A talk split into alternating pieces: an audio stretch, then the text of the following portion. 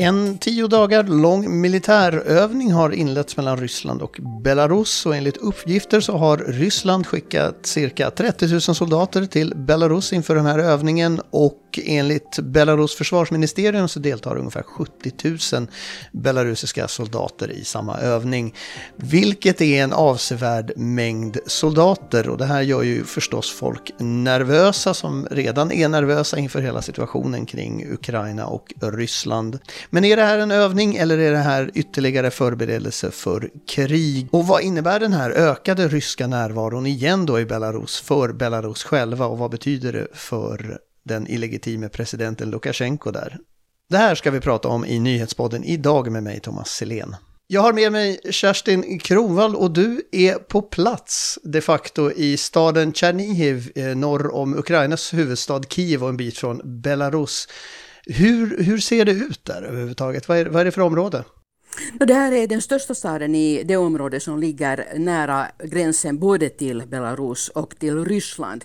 Det är en sån här treriksröse här i närheten. Det är kanske vad skulle det kunna vara, mellan 50 och 100 kilometer till, till gränserna härifrån.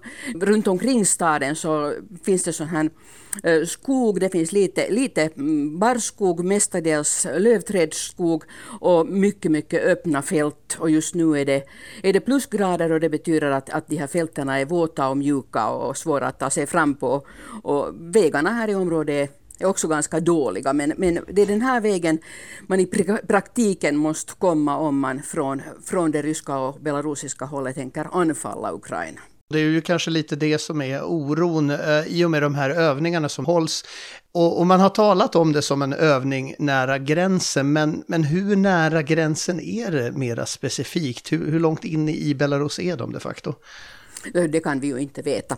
Det finns säkert, säkert underrättelsetjänster som sitter och, och kontrollerar det här via satellit, men här på marken i Ukraina kan man inte se det. Men man får utgå ifrån att det inte alls är långt ifrån gränsen. Och, och det finns, finns äh, både på, på den ryska och på den ukrainska sidan just nu stora koncentrationer av, av såväl soldater som vapen som övningen överhuvudtaget lyfts ju upp på grund av den rådande situationen. Eh, men hur vanligt är det att Ryssland och Belarus håller de här gemensamma övningarna? Det är inte alls ovanligt. De brukar ha några gemensamma övningar per år. De hade en i höstas, eh, Zapad hette den, och den var också ganska stor. Men det som gör den här väldigt speciell är att, att den är större än vanligt. Det, det är mera, större truppkoncentrationer, större, större mängder olika vapenslag som är med från Rys Ryssland inne i Belarus just nu. Och sen förstås det hårda läget eh, kring Ukraina med de övriga ryska truppkoncentrationerna så gör att, att det är klart att det här är en, en eh, anmärkningsvärt stor övning. Men handlar det alltså om, om skrämseltaktik tror du, eller finns det någon liksom reell, så att säga praktisk anledning att öva det här?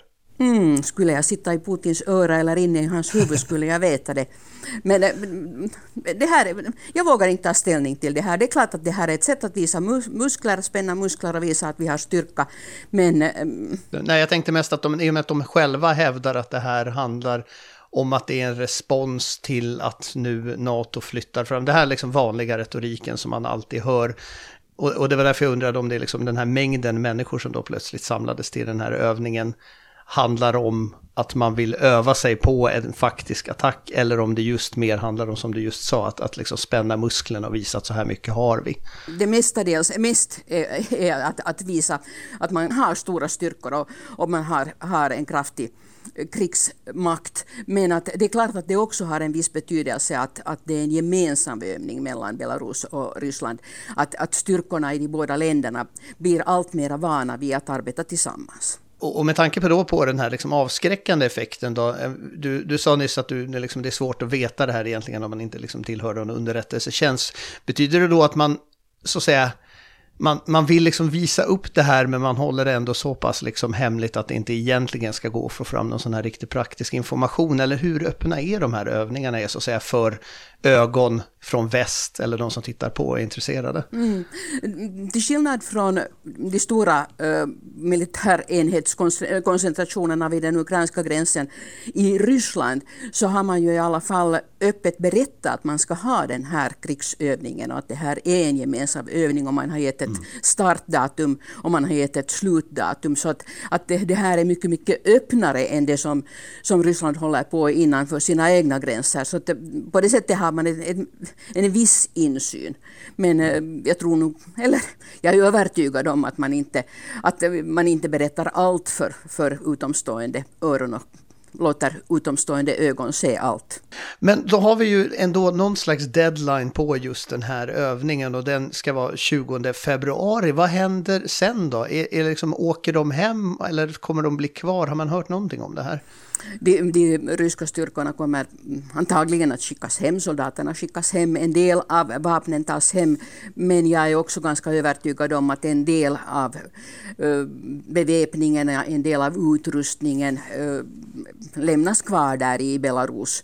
Eh, man kommer att ha några olika orsaker till det här, att, att de just nu inte behövs hemma eller att, att man eh, låter dem stanna kvar för följande övning eller att, att just nu är det inte möjligt att transportera dem eller någonting sånt här. Men att en del kommer säkert att bli kvar. Och det har ju talats om i alla fall, jag vet inte hur mycket det är bekräftat, men att det ska vara kring 20 av de här övningarna under det här året egentligen. Så det finns ju möjlighet att just hävda att man, man kommer att behöva dem, ha dem där ändå. Um, men Putin har ju sina bevekelsegrunder för att ha trupper lite här och var. Men vad vinner då Belarus i legitima ledarskap på det här? Vad vinner Lukasjenko på att ha de här övningarna?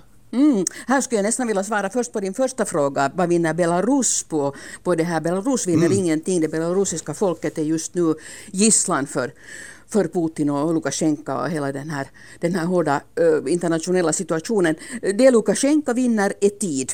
Han, hans tid vid makten är förbi i praktiken men han vinner tid. Han sitter kvar ännu en, ännu en stund och, och eh, får, får spegla sig i glansen av, av Putin och spegla sig i glansen av, av militärer och uniformer och en, en stor maktapparat om vi säger så. Det har ju funnits olika scenarion där man har spekulerat i vad som skulle kunna hända om det blir någon form av anfall.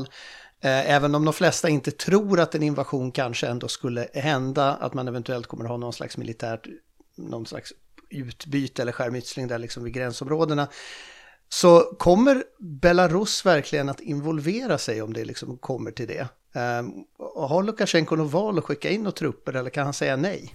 Lukasjenko kan inte säga nej till Putin just nu. Det kan han överhuvudtaget inte. Han, han är Putins vasall eller eller lilla bekänt och han vet att hela hans egen, egen position vid makten beror på Putin och han gör det Putin vill. Och sen ska vi komma ihåg att, att den 28 februari ska det bli en så kallad folkomröstning i Belarus om, om eh, landets politiska framtid, alltså på det sättet att man ska folkomrösta om en konstitutionsförändring och eh, den här författningsförändringen ska sen följas av ett nytt presidentval.